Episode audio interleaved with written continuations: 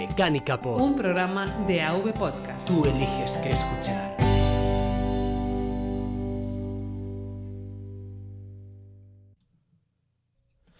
Bienvenido a Mecánica Pod, el podcast de motor de AV Podcast. Hoy es sábado 18 de noviembre y este es el episodio número 11.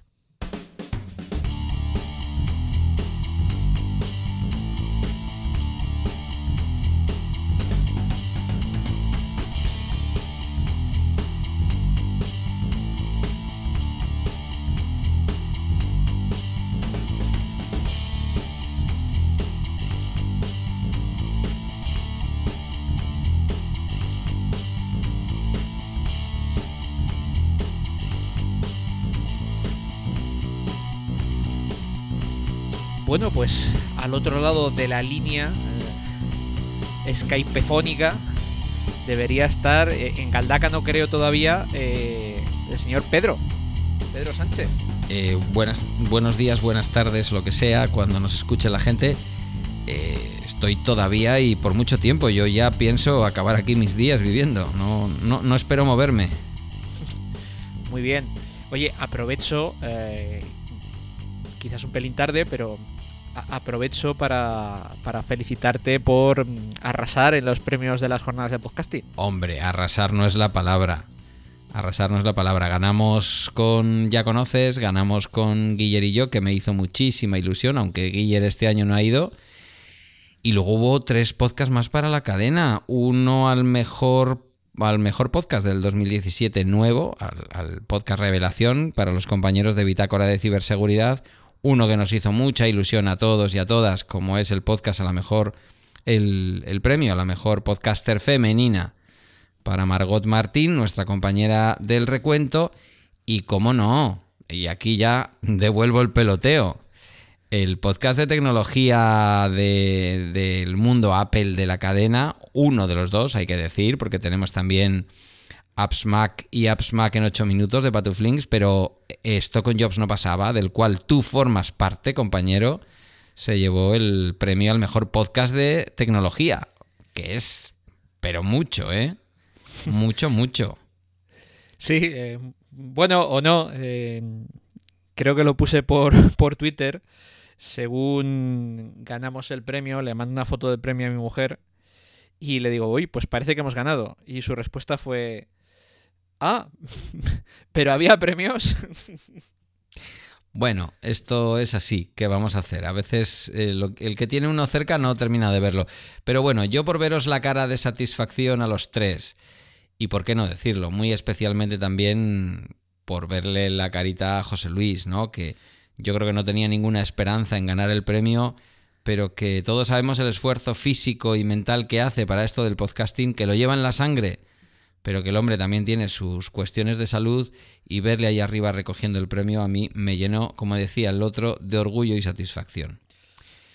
Así que nada, felicidades también a ti. Sí, ha sido un año muy bonito desde el punto de vista de los premios para V Podcast, que yo creo que lo que hacen es respaldar un modelo de podcasting que sin necesidad de pedirle dinero a los oyentes o de tener anunciantes, es decir, haciéndolo de manera mm, altruista o desinteresada, sin embargo, defiendo, y tú lo sabes, que es un podcasting al menos el más profesional que nosotros podemos hacer. Que igual para algunos no es suficiente, pero para nosotros es mucho. Así que, bueno, pues ¿qué Bueno. quieres que te diga? Muy contento.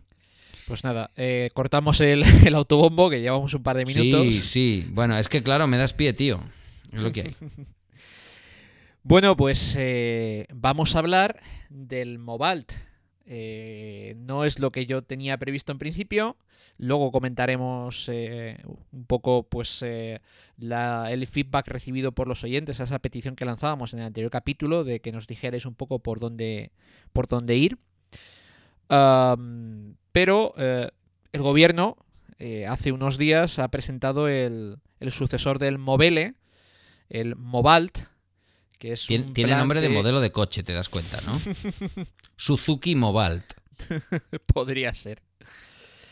Eh, es, un, es un plan que eh, el, el- el- el, digamos el, el enunciado dice, la presente resolución tiene por objeto regular las bases para la concesión de ayudas del programa Mobile Vehículos para la adquisición de vehículos eléctricos de gas licuado de petróleo, GLP Autogas, de gas natural comprimido, GNC, y licuado, GNL, vehículos que se propulsen con pila de combustible y motocicletas eléctricas, fomentando con ello la sostenibilidad en el sector de transporte.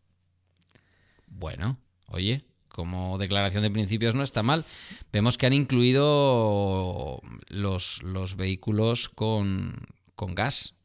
Sí, bueno, eh, creo recordar que en el Movele anterior ya, ya estaban. Ya estaban. Y- sí, y generalmente eh, no es ni mucho menos el primer programa de incentivos para, para vehículos a gas.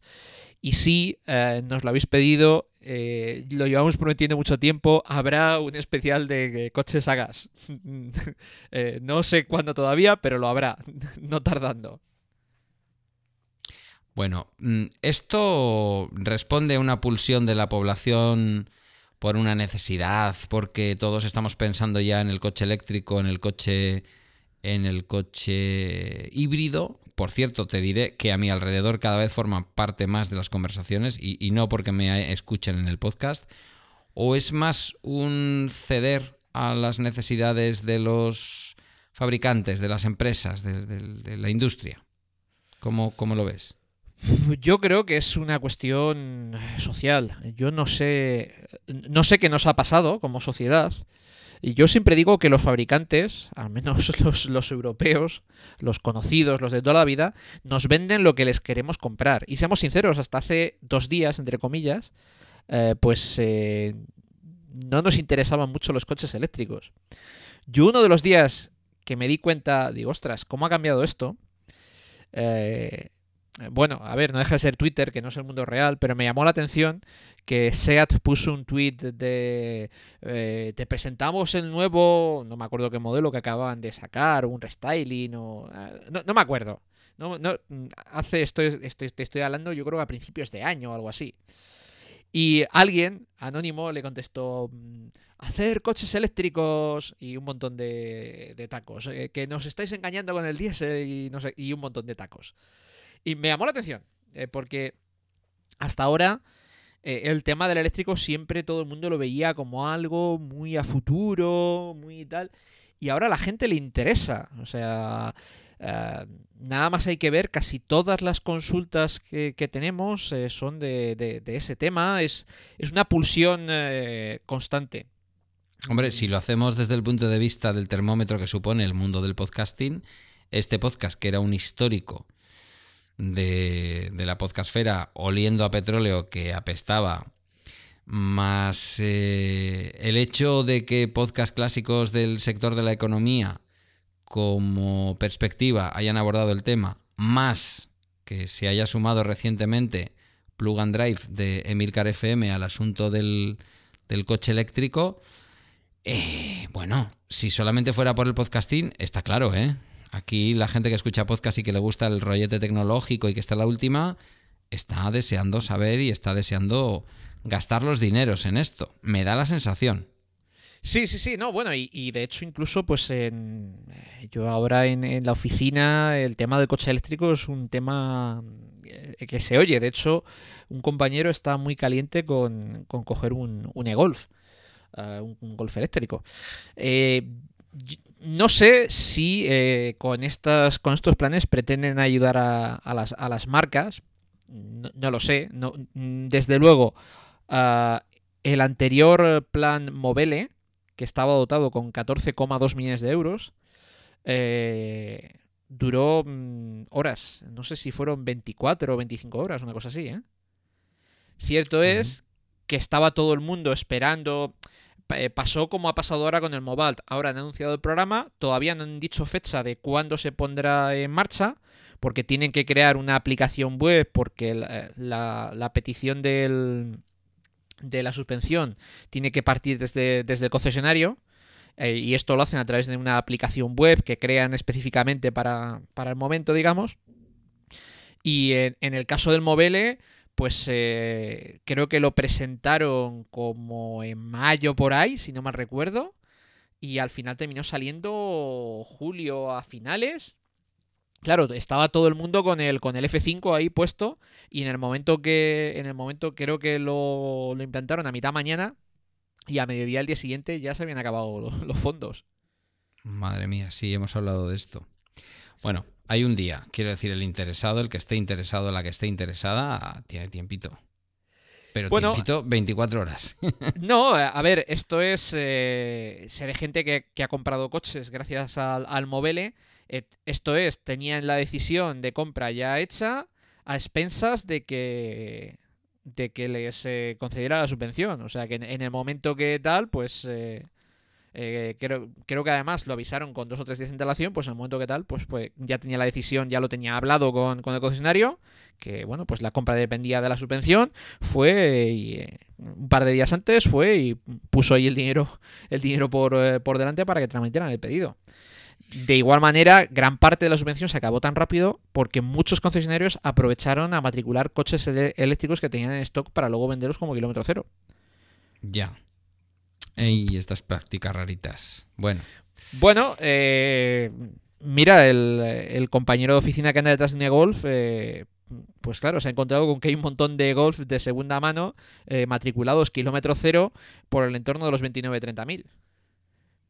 no, no, si al final sí es bueno para el, para el consumidor, nosotros no tenemos nada que decir, pero bueno, ya sabes lo que quiero decir, que al final no es el uso. Esto es como cuando a mí me ofrecieron eh, poner a mi nombre un coche con más de 10 años para, para poder utilizar el, el antiguo plan también, el PIBE. Pues son cosas que te benefician, pero que, bueno, rozan ahí un poco. Bueno, sin más. Bueno, ¿En qué es- consiste de todas maneras, Gerardo? Dime, Sí. dime, perdona. No, te iba a decir que una de las diferencias, ya no, no estoy seguro en el Mobile, pero en otros planes sí que había que ata- achatarrar un vehículo, un vehículo antiguo. Y en este, este, este plan no, eh, no obliga a dar de baja vehículos. eh, o sea, ve- ve- no obliga Sí, a dar sí. de baja el coche. eh, pero claro, también eliminan la ayuda adicional de 750 euros que había. Bueno, oye, Bueno, eh, yo, yo creo que está bien, porque desde luego seguramente quien vaya a pasar a un vehículo eléctrico puede que no sea un propietario de un vehículo de 10 años. Puede ser alguien que tiene más habitualmente la costumbre de cambiar de vehículo, no lo sé. Bueno, ellos No, o, se puede plantear decir, me quedo este coche de 10 años para por si acaso. O, Sí, o para sí, viajar. Sí, sí. Eh, que convierto el eléctrico en mi coche de diario. eh, Sí, pero son, ámbitos distintos. El otro era Sí. cambiar un vehículo viejo por uno nuevo y en este caso se trata de cambio de tecnología. No es tan en el corazón, no está tan en el corazón del, del programa el retirar un vehículo antiguo como el cambiar la tecnología del vehículo, ¿no? Y eso, bueno, pues, pues se nota. Te, te iba a preguntar antes en qué consiste, es decir, ¿qué puede esperar alguien que, imagínate, como yo, que me quisiera comprar un eléctrico o un híbrido? Eh, entiendo que afecta Bueno. a los dos, además de a los vehículos sí, de sí, gas. sí, sí, sí. A ver, Mm, el, ¿Qué puede la- esperar? eh, si quieres, eh, hablamos primero de la subvención para eléctricos y luego Vale, eh, comentamos la de gas también. vale, perfecto. La subvención para, para eléctricos, eh, bueno, para los vehículos de pila de combustible, que que yo sepa no hay ninguno en el mercado. Eh, creo que está el Toyota Mirai, pero no tengo claro que puedas ir a un concesionario de Toyota y pedirle, y tampoco tengo claro dónde podrías repostarle, pero bueno, suponiendo, suponiendo, eh, hay una ayuda estatal de 5.500 euros que, el- eh, que se ha de sumar a una ayuda del concesionario de 1.000 euros como descuento adicional. Y no hay límite en el precio de venta. Recalco esto porque es importante. Porque el límite me parece que le han puesto pelín justo y limita bastante las cosas que puedes comprar. Me da la sensación. Pero bueno, ahora, a- ahora hablamos de, de ese, de ese límite. Vale. Bien, Cuéntame. en el caso de los híbridos enchufables, Mm, eh, o eléctricos de autonomía extendida o vehículos eléctricos hacen la distinción en base a la autonomía. Cuanto más autonomía eléctrica, más eh, subvención pillas. Claro, eh, esta- eh, el corte para el, para el, el- el mayor... eh, Vamos a empezar de, de- de arriba, de arriba abajo. Mayor o igual de 72 kilómetros de autonomía. Es curioso porque en la norma del BOE no dice esos kilómetros de autonomía medidos como. Eh, solo dice que, bueno, eh, en base a la homologación que, que, que haya vigente, no sé qué, pero no dice si es por el ciclo NDC, si va a ser por este nuevo europeo, pero bueno, supongo que será por el, por el ciclo antiguo europeo. Para los vehículos de más de 72, mi- de 72 kilómetros hay 5.500 euros y un descuento adicional de 1.000 euros para el punto de recarga por parte del concesionario. Bueno, no está nada mal, ¿eh? No está nada mal, pero hay una pega. Y es el límite de precio de venta. Porque no puede costar más de 32.000 euros. Uf. Uf, Bueno. e- efectivamente, hombre, hay cosas, pero lo que no me queda claro es eh, si ese límite de, precio de venta es 32.000 eh, más IVA o... Ah, no, no, es, mira, estoy viendo que es más imponible, ¿eh? es sin IVA. Bueno, entonces, siendo sin IVA, se, se pueden hacer cosas. ayuda también quizás a que algunos se aprieten un poquito el cinturón para entrar dentro de la ayuda. Quiero decir, si Ford o yo qué sé, o Toyota te quieren vender un, un híbrido y quieren que realmente ese híbrido se venda, lo van a meter dentro de estos límites de precio sí o sí, o al menos uno de los modelos, o al menos el modelo de entrada. o, o un modelo de entrada, sí, es... es, eh, Está es- bien, es, bueno es- para el muy- consumidor que la empresa posible. sepa que como máximo. Oye, que también es verdad que si tienes 80 o 90 mil pavos para comprarte un cacharraco, pues igual el Estado no te tiene que ayudar, no sé cómo decirte. Aquí Mm. igual me estoy metiendo en un berenjenal, ¿eh? Pero, pero me entiendes por dónde Bueno, voy. Eh, hombre, claro, esto mm, borra la posibilidad de, de pillar un Tesla, por ejemplo. Eh, esta, bueno, estas cifras son para el caso de que seas persona física, porque para las empresas varían ligeramente. Si es un automóvil, eh, que es lo que llaman categoría M1, que es pues cualquier turismo de hasta nueve plazas, lo que es un coche, lo que- con lo que puedes llevar con el carné B, sin contar las motos de hasta 125. Y tiene autonomía entre 32 y 72 kilómetros. Son 2.600 eh, de la ayuda estatal y 1.000 de la ayuda concesionaria al punto de recarga. Sigues teniendo el mismo límite de precio de 32.000. Pues híbridos enchufables mm, de entre 32 y 72 eh, por menos de 32.000 no me queda claro que haya muchos, ¿eh? Por desgracia. Bueno, pues tendrán que mover el culete si quieren vender. Alguien tendrá que hacer algo. Sí. Claro, es que estas ayudas así es verdad que a veces son un poco incomprendidas, pero oye, que lo que están buscando es que todo el mundo se ponga las pilas, nunca mejor dicho. El consumidor, pero también las empresas. Es como cuando se empezó a hacer juegos malabares con el impuesto de matriculación con los vehículos que menos contaminaban. Al principio no había tantos y al final entraron todos en entraron todos en norma, aunque fuera, como luego hemos sabido, haciendo alguna trampita algunos. Bueno, pero eh, ¿tú sabes por qué hay tantos eh, vehículos de motor 1600? Mm, No, pero me lo vas a decir tú ya mismo. Bueno, de motor 1600 y tantos eh, de 1900 o 2000. Parece que un 1600 y un 2000 son motores súper comunes. Pues Sí. porque es justo el límite de la mayoría de los, eh, de los impuestos de, de circulación y de matriculación Ah. en muchos países. Pues mira, me lo cuentas a mí que he tenido coches de mil- 1900 y 1600, como es el Seat León de ahora, y no lo sabía. Pues eh, seguramente habrás notado que el Seat León de ahora paga mucho menos impuesto de circulación porque el- la potencia fiscal eh, tiene en cuenta únicamente la cilindrada del motor de combustión. Bueno, venía de tener mi Suzuki Swift, como sabes. Que era Que- 1003. Ese sí, ese era 1.2. Y Creo ese sí- recordar- ese fue un gran ahorro con respecto al con respecto al Golf Plus, que era un 1900 de inyector bomba. Quiero recordar que más o menos eh, los límites son hasta 1000, de 1000 a 1600, de 1600 a 2000 y, no- y- y por arriba ya no, ya no recuerdo bien. Sí, Pero yo más es que creo que entre el Suzuki y el, y el León, aunque los he matriculado en distintos municipios, yo creo que no he notado gran, gran Sí, cambio. porque si de 1200 a 1600 es. Es mismo, verdad, es verdad, Gerardo, que pensé cuando el Suzuki, qué barato me sale, y entonces lo pagaba el impuesto en Bilbao Capital. Qué barato me sale el impuesto de este vehículo. Y bueno, pues porque consumía muy poquito, emitía muy poquito y era un 1200. Esa sensación luego no la tuve con el, con el Seat León, salvo que pensé que iba a pagar mucho más y me sorprendió que pagaba prácticamente lo mismo o muy similar. Mm. Eh, una matización a, estos, a estas ayudas y es que son para vehículos nuevos, pero en el caso de vehículos puramente eléctricos o de pila de combustible, eh, también es aplicable a vehículos de hasta nueve meses de antigüedad. Que es muy interesante, es algo que en el Movele ya estaba. Yo creo que yo no. Yo vamos, eh, me leí la, orden del BOE. No yo creo que nadie se dio cuenta de ese detalle. También es verdad que como duró tan poco, pues no hubo ni tiempo para pensarlo. Pero bueno, está ahí. Eh, podrías, si pillas un un, pues un e-golf de estos de, eh, de hasta nueve meses de, de, antigüedad, podrías pillar eh, la ayuda. Siempre que no se le haya aplicado antes, que no se lo estés comprando un ciudadano que lo haya comprado ya con algún tipo de ayuda.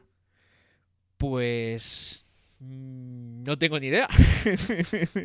Habría que el, anterior plan cuando... cuando... El, anterior plan, eh, que tampoco me lo leí en, detalle, en detalle, eh, aquí pone las solicitudes de ayuda a la compra de vehículos nuevos o de vehículos eléctricos y de piel de combustible de hasta nueve meses de antigüedad. Establecen estas bases. Sí, pero lo, que quiero decir es, esos vehículos, eh, ¿el anterior plan estuvo vigente con dinero hace menos de nueve meses? Eh, sí, sí, sí, sí, sí, sí.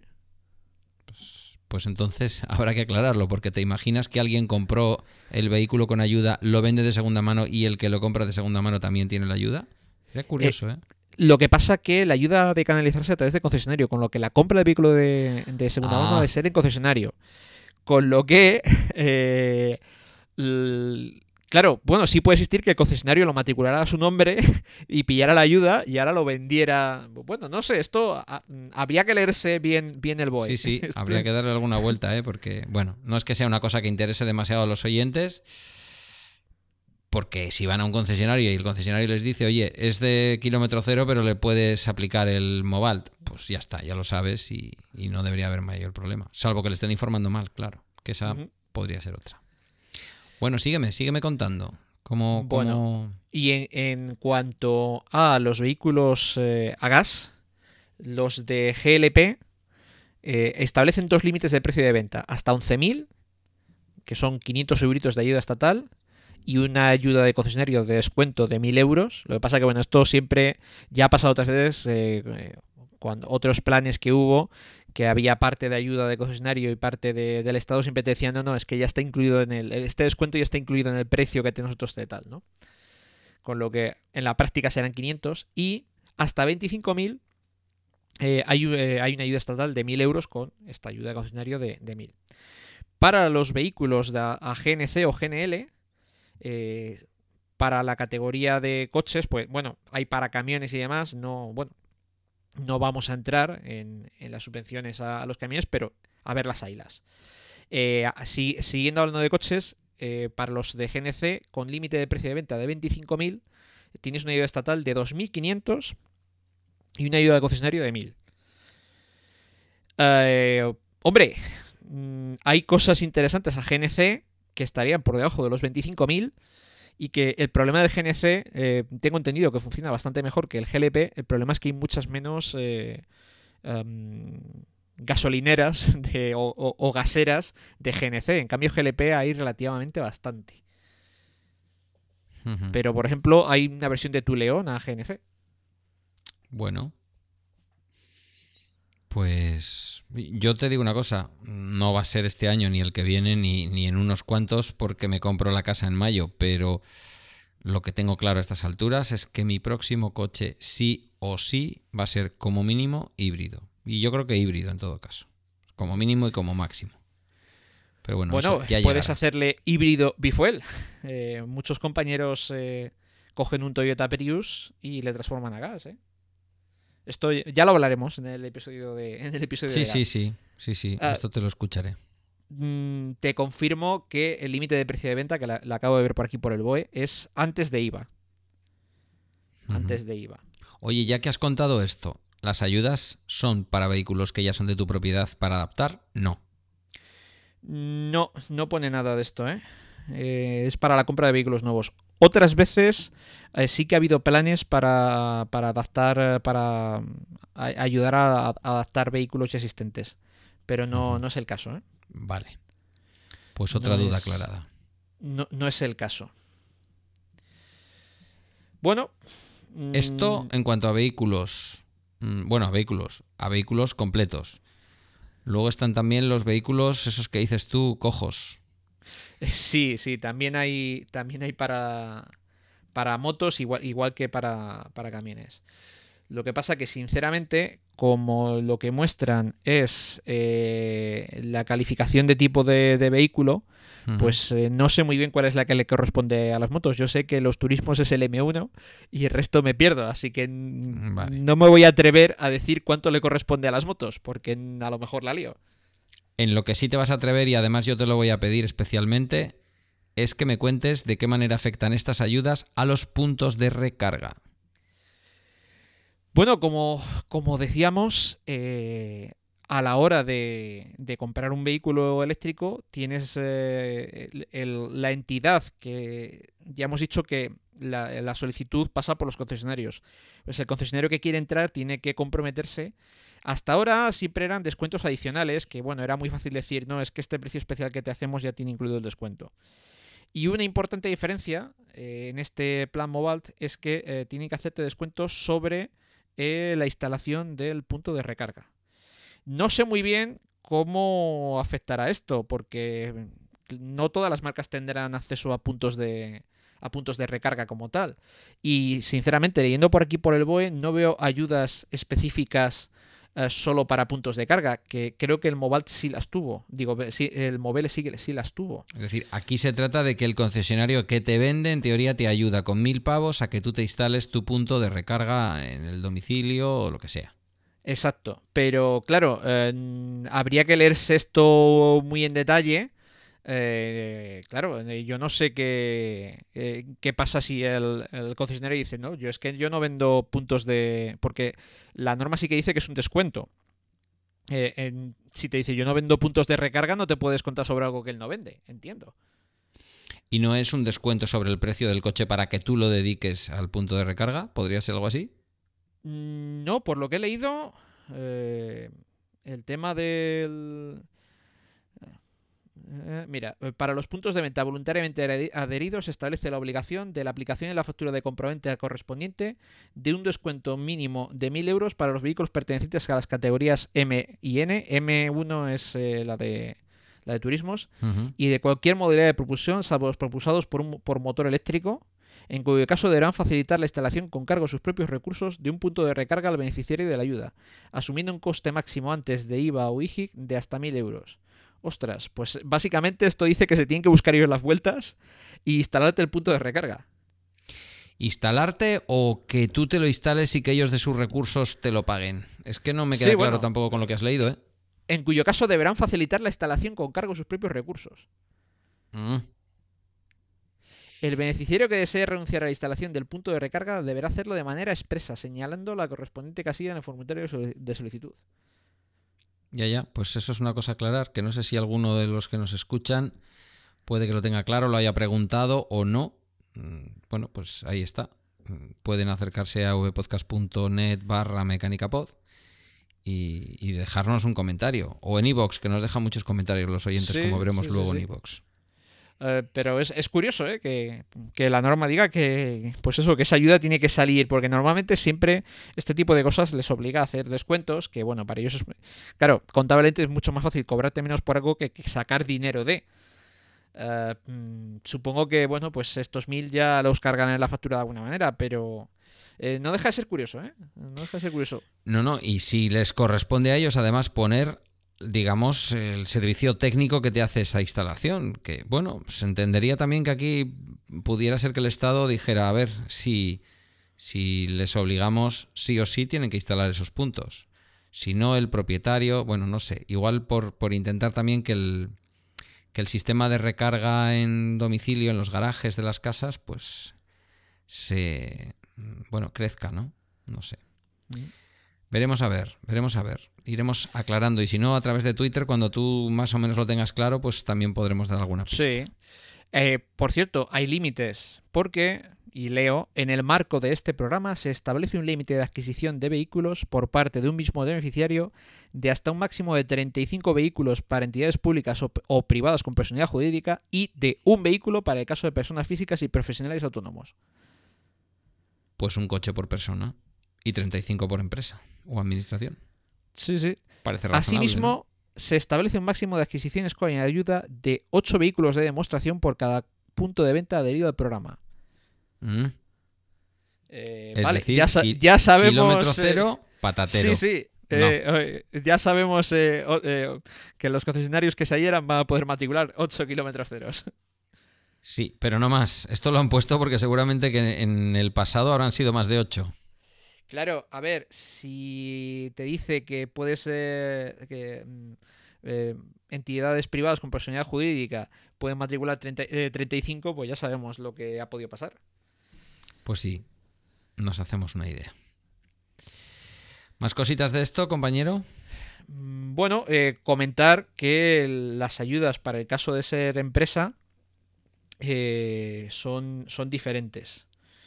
Eh, en el caso de em- empresa, eh, en, e- en el caso de que el solicitante de la ayuda sea una empresa privada, tal y como se define en la base, en, en el apartado anterior, la cuantía son eh, como ayuda estatal 4.300 para pyme o 3.200 para gran empresa, con los 1.000 adicionales del concesionario. Esto para vehículos eléctricos de más de te- 72 kilómetros. Es, es menor. Ujú. Bueno, me parece interesante, me parece necesario, porque claro, a ti te quitan 5.500 y te pagan el punto de recarga de, por ejemplo, ese Golf que anda por los eh, 30 y muchos mil, eh, y se pone la cosa muy interesante. Hombre, ya te digo. Eh, yo creo que es, es necesario. Mm, el, el problema, pues, que si 14,2 millones de euros duraron un día, pues eh, 20 millones temo que poco van a durar. Menos da una piedra que decía el otro. Pero bueno, en resumidas cuentas, si quieres eh, optar a estas ayudas, pues deberías ir mirando ya lo que quieres comprar. Eh, te remitimos a nuestro especial de eléctricos, que bueno, aunque ha habido cambios en el mercado, pues- pero no demasiados. Básicamente, con los límites de precios de venta, pues eh, Los sospechosos habituales. Cuéntalo, Sí. Gerardo. Zoe, Leaf, eh, bueno, también podrías optar que les han pegado una, una afilada en el precio a los, a, a los trillizos C0, eh, Peugeot Cion y Mitsubishi y Miep, modelos que mm, no recomiendo porque están absolutamente desfasados técnicamente. Y por lo que cuestan, pues mira, pues te compras un, un Zoe o, un Leaf el, el modelo anterior. Para el modelo nuevo todavía no han establecido precios, pero estoy seguro que eh, para el modelo de Leaf antiguo se pueden obtener eh, eh, descuentos interesantes para unidades que ya estén por concesionario. Y no olvidar eh, que se- ese- ese- esa ayuda se puede aplicar a coches hasta nueve meses de antigüedad. Eh, lo que, oye, pues eh, me consta que hay bastantes, porque me los enseña este compañero, bastantes e-Golf de segunda en el entorno de los 30.000, eh, como kilómetro cero. Pues hombre, hacerte con un Golf por 25.000 pavos con motor híbrido, pues Con nada. motor eléctrico. eléctrico. Como, con motor eléctrico, perdón. Eh, ahí queda, ¿no? Si esa es tu Sí, sí, sí, necesidad, sí. No es una mala, no es una mala oportunidad. Tam- También estaría el Kia Soul dentro de esta. eh, dent- dentro de precio. También pod- Pero eso ya para gustos muy particulares, vamos a decirlo, ¿por qué no? A mí me mola. Oye, A mí me gusta, pero el que tiene el acabado con pata de gallo de Givenchy. Uno que se vende en color cremita con la pata de gallo de Givenchy eh, fuera. O sea, más pijo no se puede hacer, también te lo digo, ¿eh? El Hyundai Ioniq, que es un modelo muy, muy interesante. El Ioniq es Eh, muy bonito. Eh, es un modelo muy interesante. También entraría a las versiones más bajas. Eh, bueno, hay, hay cositas, ¿eh? Más de lo que uno. Más de lo echen, que- que le echen un vistazo a tu, a tu currada de Excel, ¿no? Sí, luego hablaremos sobre los Excel. Luego Vale. hablaremos. Eh, de- los Twizy también pillarían, pero claro, eh, no sé, no recuerdo exactamente ahora qué autonomía. Bueno, tienen autonomía 100 kilómetros. Podría. Oye, pues un Twizy se, se te queda muy, Mira. muy barato, ¿eh? Para las máquinas. Emilio, si estás oyendo esto, muchacho. Eh, Estamos hablando de que el Twizy con batería en propiedad son 11.800 de tarifa, menos 5.500 y 1.000 para el punto de recarga. Rocío no va a poder decir que no ni una sola vez más. ¿Qué quieres que te diga? Porque si la autonomía son 100, sí, puede, puede optar al, al máximo. Oye, pues eh, así a lo tonto te sale un Twizy regalado, ¿eh? Si no se lo dice Paco Culebra, se lo vamos a tener que decir nosotros a Emilio, ¿eh? No, eh, bueno, lo- lo- los que oigan a, a Emilio, eh, a Emilcar en su Emilcar Daily, pues eh, un poco entenderán esta, esta broma privada porque es una persona que lleva tiempo dando vueltas al tema del coche eléctrico, estuvo pensando en un Twizy y ha llegado a la conclusión de que el Twizy ya no, porque claro, solo dos plazas y tiene dos hijos y claro, no va a dejar a un hijo en, en tierra. Pero... eh, Pero si encuentra un Leaf baratito y le mete un recorte de 5.000 pavos, Sí, sí, sí, sí. pueden ir los cuatro ahí en el coche. tan ricamente. Bueno, yo creo que el Mobalt, pues le podemos, eh, le podemos cerrar ya. Vale, que- ¿sabemos qué día puede estar esto en marcha? Ni idea, no se sabe. Eh, Bueno. Tienen que montar el, el sistema este para pedir la subvención. Creo que el Mobile, el Mobile creo que se lanzó como en julio o, o agosto, una cosa así. Y no sé si lo presentaron en abril, mayo. O sea que a lo mejor estamos hablando para enero, febrero. Bueno, hay una cosa que pueden hacer los oyentes, que es activar la campanita de Twitter para cuando pu- publicas un tweet, que tampoco suele ser de dar mucho la brasa con la cuenta de Mecánica Pod. ¿No? Y Sí, no, eh, como tú vas a estar poco pendiente, que yo te conozco, que tú vas a estar. Eh, pongo poquitas cosas yo. Por eso digo que no les vas a molestar mucho hasta el gran día. Que Eso pondrás sí. un tuit de 240 caracteres completos, 280. mejor Cuando, cuando avise, habrá días. Así que lo que te interese, tienes que haber ido a mirarlo ya al concesionario. eh, asegurar que el concesionario vaya a entrar en este, en este sistema, porque no es obligatorio para el concesionario darse de alta como entidad de, eh, gestora eh, y negociar el precio con, con, con el plan.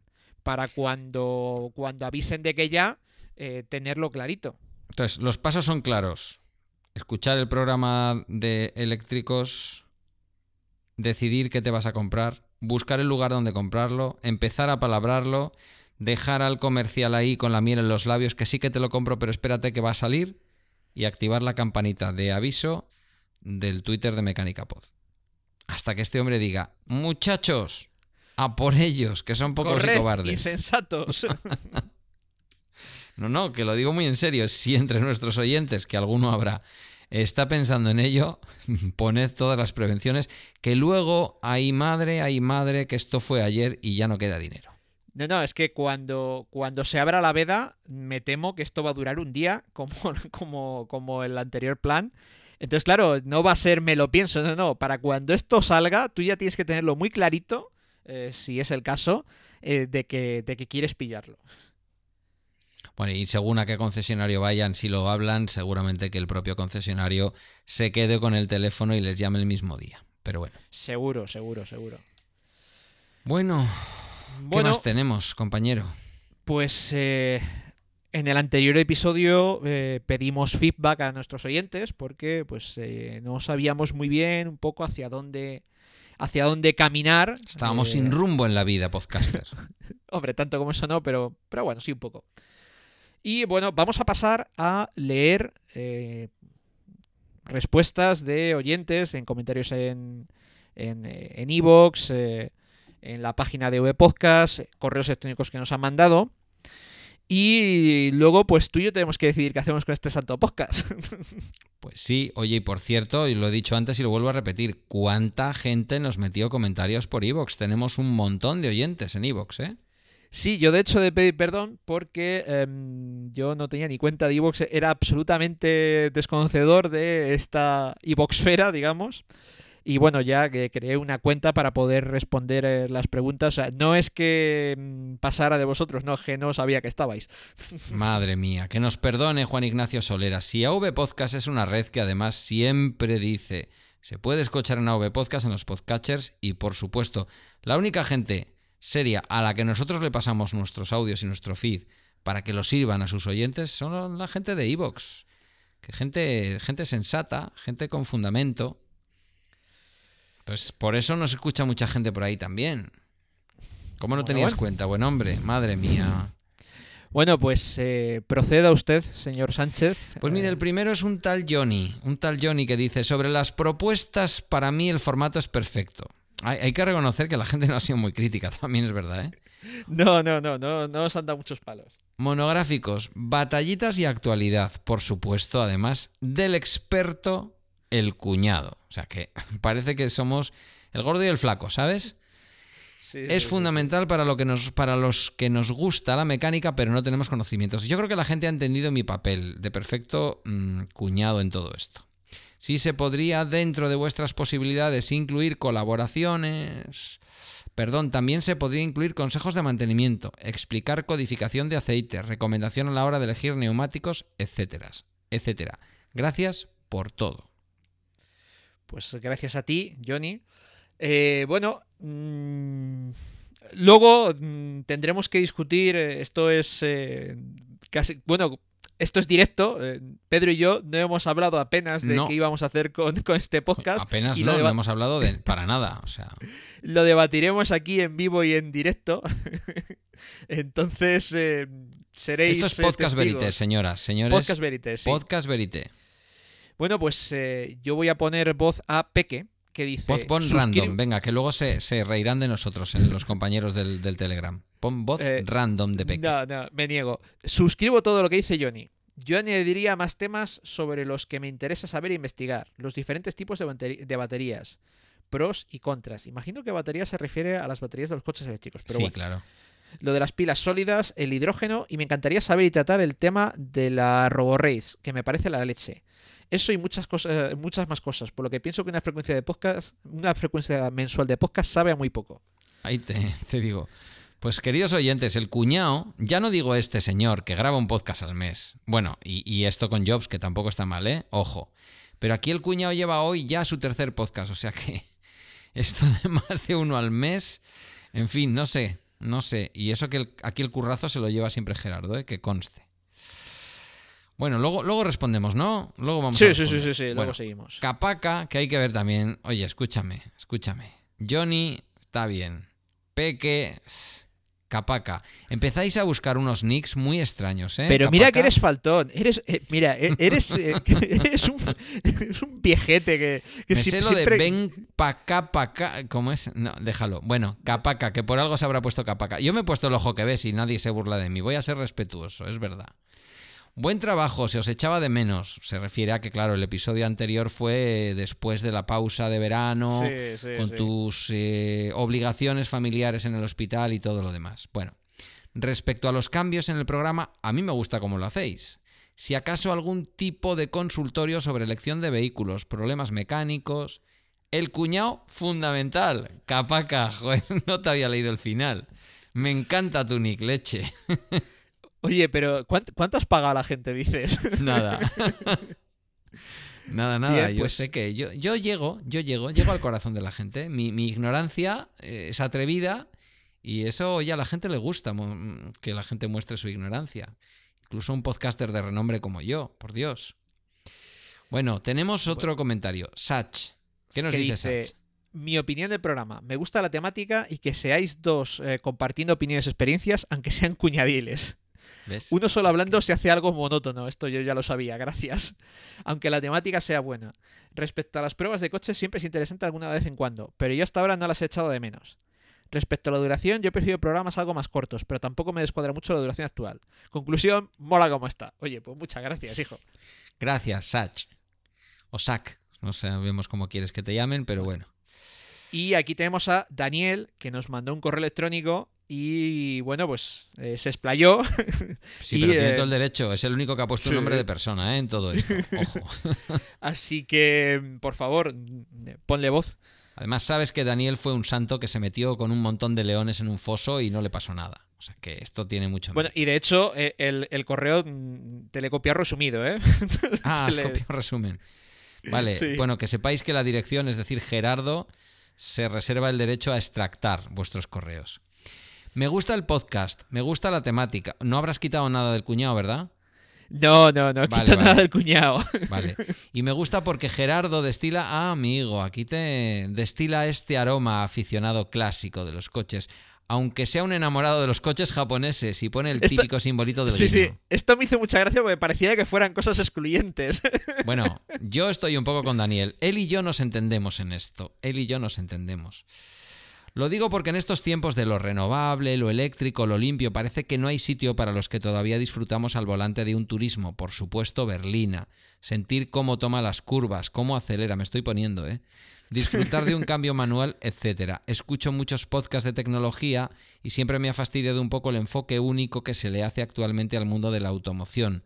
Parece que no existe otra cosa que lo eléctrico y que haya que condenar a los infiernos al vehículo que hemos conocido toda la vida.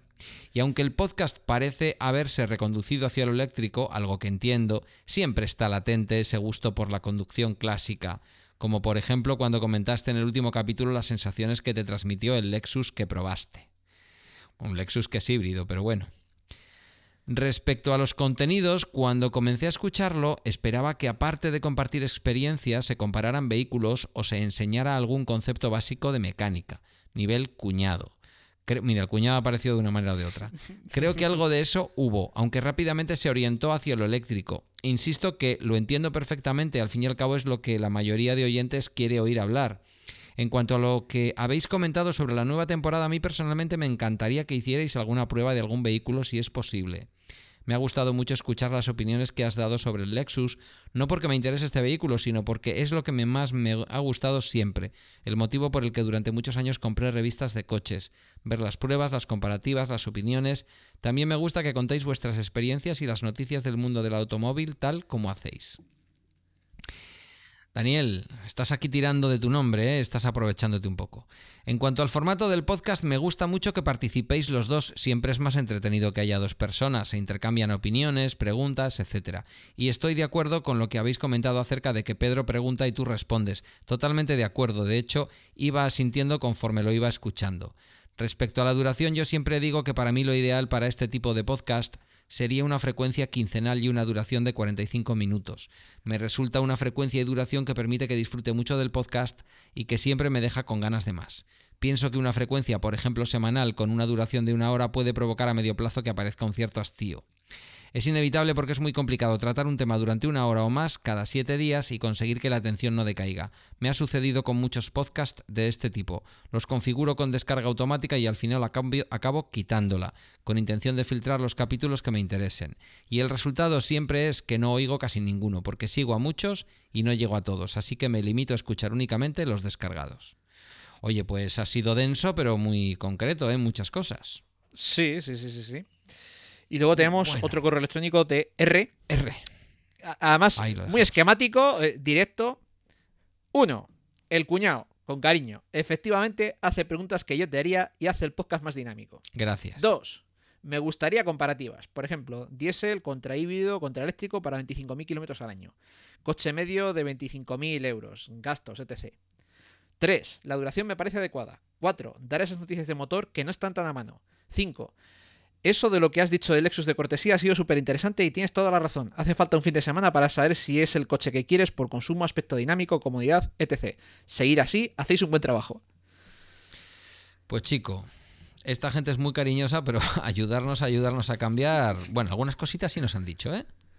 Sí, eh, parece que mm, hay cierta tendencia de que a, a la gente le gustaría, eh, en vez de que nos fuéramos tanto a las dos horas, que grabáramos más mm, y, y a menos tiempo, una horita. Bueno, ya sabes tú lo que suele decir José Luis con esto. Muchachos, parad el podcast a la mitad y escuchadlo dentro de 15 días. bueno, oye. Creo que no es a lo que se refieren. Eso queda en mano de Gerardo. Gerardo es un currela. Yo hago muchos podcasts, participo en muchos, pero aquí lo que hago es el papel de cuñado porque me gusta el mundo del automóvil y de la mecánica y porque no me da para más el conocimiento. Entonces, si él decide cada 15 días, él me engancha cada 15 días, me manda el me manda el guion y oye, yo aquí estaré, ¿eh? como un mandado, pero bueno, no sé. Ahora tú que Esto, tienes más esto es lo que se llama tirar pelotas fuera, ¿no? no, no, lo que quiero decir es que ahora que tú tienes más tiempo, mm, ahí lo dejo. Yo creo que. Yo, eh, yo como oyente, intentar, ¿eh? el podcast de 15 días me gusta mucho. Yo creo que lo podríamos intentar, porque aparte nos permitiría también hablar algo más de la actualidad, porque mira, aquí el Mobalt este, pues porque ha coincidido que, le- que acaba de salir hace unos días. Eh, dentro de... Si nos ll- llega a pillar, por ejemplo, que acabamos de grabar un programa y nos vamos al mes siguiente, casi ya no tendría ningún sentido. Bueno, alguna vez te has hecho tú un episodio now, ¿eh? que esa también es una posibilidad. También, también, también, pero no podemos eh, no podemos desoír, desoír al oyente que pide mm, cuñado. Esto es, es- No, no es evidente. Es verdad. Entonces, aunque bueno, pues eh, pueda darse esa circunstancia de hacer algún now de estos para alguna cosa rápida, es evidente que la gente quiere cuñado. Esto, lo que nos ha quedado claro es que eh, cuñado for the win. Pues nada, yo hasta que me quieras echar, chico, ¿qué quieres que te diga? Con esta gente tan cariñosa, que ha sido mucha la respuesta, ¿eh? Que, Sí, bueno, que la eh, gente he se ha tomado tiempo, que han escrito respuestas muy larguitas, ¿eh? Que... Y bueno, eh, no he copiado otros muchos comentarios eh, de gente de, bueno, pues eh, seguir así, Eh, gracias por todo. Eh, he copiado un poco los que tenían más, eh, más enjundia, ¿no?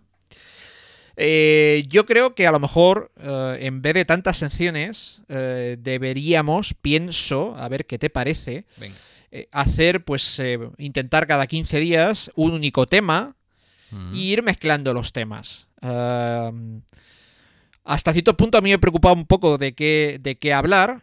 Mm, Seguiremos, yo creo, pues e- ese especial de gas habrá que hacerle. Eh, pero luego, aunque sigamos hablando de coches eléctricos, pues de vez en cuando, no estaría de menos, eh, pues volver a, hacer, esta vez con las preguntas del cuñado, los episodios que ya grabé antaño en Mecánica para Dummies explicando eh, el funcionamiento de los componentes de un vehículo. Porque aunque nos gusten los coches eléctricos, nos guste o no, o aunque el futuro vaya a ser eléctrico, el presente es de combustión. Y Bueno, saber y- un poco más no está de menos. Y hay muchos elementos que son comunes. ¿eh? Si yo te pregunto una cosa que me lleva interesando desde que me compré el coche, el cambio en el eje trasero del León actual con el León anterior, que en teoría llevaba un eje mucho más preparado para un rápido paso por curva y tal y cual. Bueno, yo leí lo que, lo que pude leer en las revistas, pero son cosas que yo a ti, que sé que sabes, te preguntaría. Ese tipo de cosas las va a tener también un coche eléctrico. Quiero decir que Sí, hay un sí, eje sí, trasero, que tendrá unas formas de torsión, unas barras estabilizadoras y una serie de cosas que no creo que sean tan distintas de las de un coche de, de petróleo, ¿no? Pero bueno. Sí, bueno, y aparte hay unas ciertas cuestiones de técnica que mm, propias de coches eléctricos, como la, el- la tecnología de las baterías que nos pregunta un oyente, eh, o el, el- el tema muy interesante y del que se habla poco y se debería hablar mucho, que es la refrigeración de las mismas, el- los diferentes sistemas que hay y cómo afectan a la vida útil de las mismas. Eh, bueno, yo creo que podemos intentar... eh, La calidad de las gasolinas, que tengo un primo que tiene una gasolinera en Málaga que me dice todo el rato, pero ¿cómo se te ocurre echar gasolina en el Eroski? bueno, Pues esas leyendas urbanas. eh, Sí, le- sí, le sí, sí. echan porquerías, no le echan suficientes aditivos y tal. Es que hay un montón de cosas en el mundo del motor que. Al hay fin y al cabo sería esta sección de dudas práctica que, que tenías que teníamos que prácticamente casi la hacía Dimitri eh, solo de el hecho, le llamamos sección de dudas por Dimitri, por su apellido. Sí, sí, sí, sí, sí. Dimitri Dudas, sí. Em, pues yo creo que, bueno, pues eh, un poco eliminar esa sección para em, eh, acortar la duración y dejar pues únicamente un, un tema, un tema de la quincena. Y habrá veces que sean. que cojamos dudas, habrá veces que hablemos de cosas de actualidad, como esto del Mobalt. Eh, personalmente, ya os avanzo. Eh, salvo lanzamientos muy estelares de coches que sean muy revolucionarios por su tecnología o por lo que supongan. eh, yo qué sé, pues eh, mañana saca la SEAT un León eléctrico a 20.000 euros. Pues a lo mejor de ese sí que hablamos. Pero em, para estar pegados al mercado, yo... No es que no me interese, para eso ya hay un montón de revistas que lo van a hacer eh, y, de webs que, que lo van a hacer mejor que nosotros. Pero Y no yo creo quita- que- No quita para que nos pase como nos pasó con aquel Peugeot, ¿te acuerdas? El 4008. Sí, que sí, te sí, decía calla, yo, calla, ¿el calla. 4008 era o el 3008? El 3008. El 3008. Eh, me recuerda al Run Rover tal. Y dijiste, bueno, hombre, pero por favor. Y ahí se suscitó debate. Le gustó a la gente que habláramos de eso. Y hoy Sí, me ha pasado sí, lo mismo. No he mirado el modelo, pero ya lo he visto varias veces. Con un, eh, un Mazda que hay, que es un sub, así como muy bonito, muy redondeadito y bajito. Eh, ya te diré qué modelo. es. CX3, CX5 o CX7. Bueno, la verdad es que son los tres. eh, Chulísimo. Digo, mm, aunque no hagamos una prueba, aunque no mencionemos, yo es que por la calle miro coches. Y eso te pasará a ti seguro. Sí, bueno, yo ya sabes que. a mí te me van gustan los ojos, ¿no? Con los coches. Sí, a mí fácil- fácilmente, fácilmente. Pues eso, pues eso no. A lo mejor no tenemos al, al alcance hacer pruebas o cosas de estas, ¿no? Pero en un momento dado. decir, Bueno, oye, ¿tú yo, has visto esto? em, Porque yo lo he visto por la calle y me he flipado. Voy a intentar, eh, aprovechando que ahora pues tengo alguna mañana libre entre semana, voy a intentar hacer, hacer pruebas. Que me dejen un coche un fin de semana es muy difícil, porque es muy difícil. Pero eh, quizás pueda hacerme pasar por comprador en los concesionarios de aquí de Valladolid y hacer, pues, eh, más que pruebas serían contactos, eh, pues la típica prueba que, que haces con el comercial, que bueno, quizás, eh, quizás nos diga algo. Oye, también le Mm, puedes decir que trabajas para un podcast y que los mencionamos y damos su Sí, teléfono. oye, lo podemos intentar. Si nos está oyendo alguien de alguna marca, pues estamos encantados de probar lo que nos den, ¿eh? Claro. Tampoco hace falta. Eh. Digo porque los concesionarios de Valladolid tendrán un límite y llegará un momento en que dirán, pero tú no eres el pesado que vino la otra vez. Ah, pues sí, sí, es, es una posibilidad que, que puede pasar. Me veo yendo a concesionarios de otras provincias. No, y porque además tú eres como las cabras que tiran al monte. Te veo yendo a Toyota, te veo yendo a Mazda, te veo yendo a Lexus. Hombre, claro, sé se te van a acabar rápido los japoneses. cierto no nos concesionario de, de Santander me debe unos cuantos favores.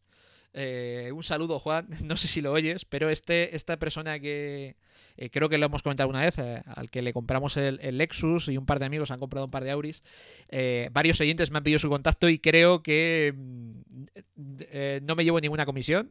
Yo simplemente le recomiendo porque a mí me trató bien y yo al que me trata bien, pues yo le trato bien. No me llevo ninguna comisión, sí me ha dicho que la próxima que me vea me invitará a comer o algo. Con que te deje probar un cochecito de vez en cuando para que sigamos recomendando por lo bien que trata la gente y el buen precio que hace, nos vale. Sí, bueno, de hecho, cuando salió el último Prius, eh, pasé por ahí por Santander y lo estuve. Nada más que salió, me estuve dando vuelta con él. La verdad es que. em, la verdad es que no, he pasado por muchos concesionarios en esta vida y por desgracia, vendedores buenos, buenos, buenos, buenos, no me he encontrado tantos, la verdad, ¿eh? Bueno, di el Eh, nombre del concesionario, ya que lo estamos mencionando. Sí, bueno, es, eh, concretamente es el concesionario Toyota de Santander, que me parece que se llama Megamotor. Y Juan es la persona que lleva la parte de ocasión de este grupo de concesionarios porque tienen varias marcas. Tienen Toyota, Lexus, Subaru, Fiat, Volvo, Land Rover. Pero vamos, él está más por, por Toyota. Pues a ver si tiene la ocasión, ¿eh? ¿Has visto cómo lo hilo?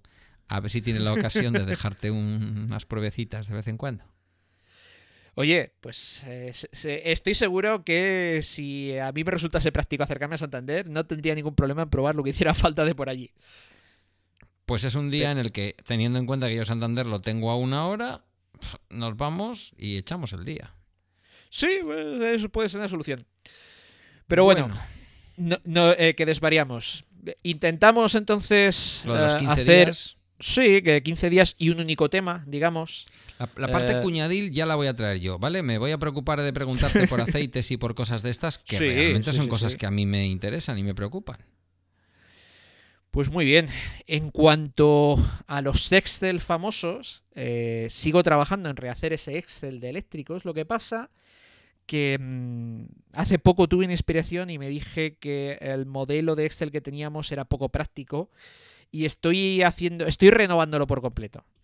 Eh, no, no voy a avanzar, pero va a ser, a- aparte de una herramienta de consulta, va a ser una herramienta como tal, si sale como creo.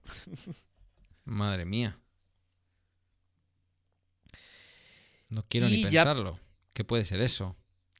Bueno, la idea eh, es que un poco tú le pongas eh, cuántos kilómetros haces al año y te calcule eh, los años para amortizar y alguna cosa más. Nivelón, nivelón. Pero bueno, estoy todavía en fase de, de planificación exactamente de los datos que quiero, que quiero dar y cómo lo quiero. eh, digamos que. mm, Bueno, pues eh, ahora mi tra- en mi nuevo trabajo me dedico al Estel y quiero pues eh, un poco implementar las cosas que he ido aprendiendo. Pues muy bien, estupendo. Y Vamos- ya, vamos, ya nos queda eh, los deberes. Nuestros encargos, sí, biblioteca. los encargos que me hacen. Oye, oye, esto no ha sido un encargo. esto no ha sido un encargo, queridos oyentes. Por Dios, por Dios, por Dios. Tenéis que ver, tenéis que ver eh, lo que este hombre me, me orientó a que viera el mes pasado. Mighty Car Mods en YouTube. Sí, lo vas a dejar escrito de manera que un cristiano lo pueda entender en algún sitio, ¿verdad? sí, dejaremos el enlace en, la- en las notas. Vale, oye, fantástico. Si sois de ver algún YouTube de vez en cuando, algún, algún tube, algún vídeo en YouTube, mm, como yo, que suelo ver pues comparativas de teléfonos y cositas de estas, ¿no? De, de adolescente. Eh, mm, suscribíos, suscribíos, por Dios, vais a gozar como, como, como condenados. Sí, la verdad es no que- otra cosa, Gerardo. Es que ha sido una es que es, recomendación eh, sí, fantástica. sí, sí.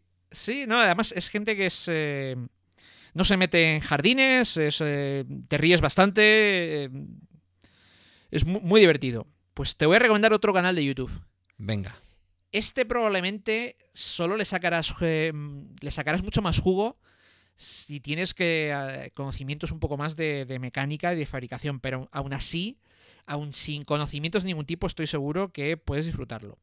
Ten, en cuenta ingleses- una cosa, Gerardo. A mí me encantan los programas. Ahora veo menos porque estoy todo el día metido, ya sabes, con Serial Me estamos todo el día metidos en Netflix, en HBO, Filming, tal. Pero a mí me gustaban mucho los programas esos de Who It, eh, no sé qué, To Made. eh, eh, ¿Cómo se hace? De cómo se hace. Pues O sea, entonces. Me eh, encanta, me encanta. Yo me pongo a ver una máquina, un proceso Pinky- productivo y flipo. el Project Pinky te va a encantar. Eh, el proyecto Pinky Ujú. eh, es eh, obra de unos ingleses que están como una chota, que tienen un taller que se llama Bath Obsession Motorsport. O sea, em, Ah, sí, mala estoy, obsesión. estoy viendo su página web. Sí, sí, lo veo, lo veo. bien, pues estos un día se dijeron, pues tenemos aquí un mini de los antiguos, el mini este chiquitico, Sí. y tenemos aquí este Celica ah, GT4 Turbo del 90. Uy, Han, han hecho un si- injerto. Madre mía. Sí, sí. Y si le quitamos la transmisión, suspensión y motor y se la plantamos al Mini, y ahí están. o sea, Qué grandes. y- Llevan 16 episodios, por lo que veo. sí, 16 episodios. Además, o sea, esto no es algo que son episodios de 15. Bueno, creo que el episodio más largo no sé si han sido media horita, pero sacan uno cada medio año, una cosa así, ¿eh? O sea, no, no es una cosa que os vaya a agobiar, precisamente. Qué bueno. Es que son muy buenos. Muy buenos para empezar porque son unos cachondos. Eh, y para seguir porque tienen un, un nivel de fabricación brutal. Solo la bancada que se han hecho especial para poder trabajar en el coche que se la han hecho ellos, solo eso ya merece eh, un montón de aplausos. Pero es que encima además han inventado un término que a mí me ha encantado, que es el diseño CAD. Normalmente el diseño CAD se refiere al diseño Computer Aided Design, ¿no? Diseño asistido por ordenador. Pues ellos lo aplican a diseño asistido por cartón, Cardboard Aided Design. Porque se hacen, para probar las piezas, se hacen eh, pues eh, plantillas con cartón para luego traspasarlas a chapa y cortar la chapa y tal, ¿no? Y, eh, pero eh, mm, lo más bestia que les he visto hacer en este último episodio todo lo que sería el motor de la calefacción con las eh, diferentes salidas para las diferentes eh, los diferentes aireadores hecho con cartón. Madre mía, qué barbaridad. y o sea, hecho con cartón y funcional. Claro luego evidentemente quitaron el cartón y lo hicieron en chapa. Pero o sea alucinante el nivel de fabricación que tiene esta gente. Y el nivel de atención al detalle eh, de hecho por ejemplo em, eh, claro, como por del, último vídeo este, no sé si han tardado medio año y la gente les pregunta que qué ha sido de esto y tal. Para empezar, claro, esta gente tiene, tiene su trabajo normal, esto lo hacen eh, pues en los ratos libres. Y hablaban de, mira, para que veáis lo que tardamos en hacer. Pues eh, en este caso era una chapita con varios dobleces y unos taladros que su única misión iba a, iba a ser sujetar un depósito del líquido de la dirección, creo. Pues pusieron un cronómetro desde que empezaban con el concepto de la chapa hasta que la acababan. Eh, no sé si le salía 7-8 horas. Madre mía. Y era, claro, o sea, una, una bobada en, en- en comparación. Estoy viendo y tienen, tienen una pinta extraordinaria, ¿eh? Hay que buscarles por... mm, ¿Cómo es? Bad Obsession Motorsport. Motorsport. Sí, el canal se llama así. Luego está el Project Binky dentro, pero hay que buscarles por eso. Ya, ya me he suscrito, ¿eh? Y he puesto la campanita para que me avise cuando salga uno nuevo. Esto te, que- te le tienes, te les tienes que ver desde el principio porque no Sí, sí. tiene desperdicio. no tiene desperdicio el nivel de fabricación que tiene esta gente. Es que es increíble. Aparte, son muy cachondos y te echas unas risas. eh. De hecho, por ejemplo, en Navidades hicieron un, un, eh, un programa de coña que era eh, eh, cómo reparar una taza. De esta es la típica taza de cerámica. Eh, os dejo que lo veáis. Hay mucho talento, ¿eh? Repartido en el mundo, madre mía. Sí, sí, sí, sí. Así que nada, con esto, que estaremos poquito por encima de la hora, sí. eh, Casi pues, poco me, me sale, oye. Sí, bueno, mm, tendremos que buscar la manera de, de rejuntarnos dentro de un par de semanas. Pues aquí me tienes a tu disposición. Y ya te contaré porque he cambiado de, de Fórmula 1 de Radio Control. No sé si lo comenté en el último episodio que me, había- me habían dejado tirado la marca del, del coche que tenía porque no había recambios. Pues Comentaste, ya sí. he, he cambiado de marca, ya la he probado y oye, encantado, ¿eh? Ha sido un cambio para bien. Mm, Increíble lo bien que va. Es una marca que es eslovaca. Oye, a ver cuándo te calzas un vídeo, que para eso tenemos canal de YouTube también en AV Podcast, muchacho. Bueno, oye, pues eh, si todo va bien, el domingo que viene, eh, la- el domingo 26, iré a un rally de radiocontrol y prometo grabar alguna cosa. Pues venga. Claro. Así que además me acordaré de ti porque suele haber bastantes eh, Su- Suzuki Swift a escala allí en ese rally. Qué bonito es el Suzuki Swift, por Dios. Así que ya haré, haré unas fotos que las colgaré en, en- en- en la cuenta de Twitter de Mecánica Voz. Eh, que bueno, tampoco es que cuelgue muchas cosas, ni en mi cuenta de Twitter personal, ni en la de Mecánica Voz. Así que, como dice, como dice Pedro, podéis poner la campanita. Os aseguro que solo cuelgo cosas interesantes. Y nada, yo creo que, que esto es todo, amigos. Pues nada, mm, yo por mi parte, gracias, Gerardo. Y a los oyentes, por supuesto. Por, por, por el cariño que han mostrado al cuñado. Pues nada, hasta dentro de 15 días, donde entre otras cosas también te contaré eh, la última adquisición que ha sido la impresora 3D y las piezas que estoy diseñando para, para Radio Control. Pero eso lo dejamos para dentro de 15 días. Perfecto. Adiós.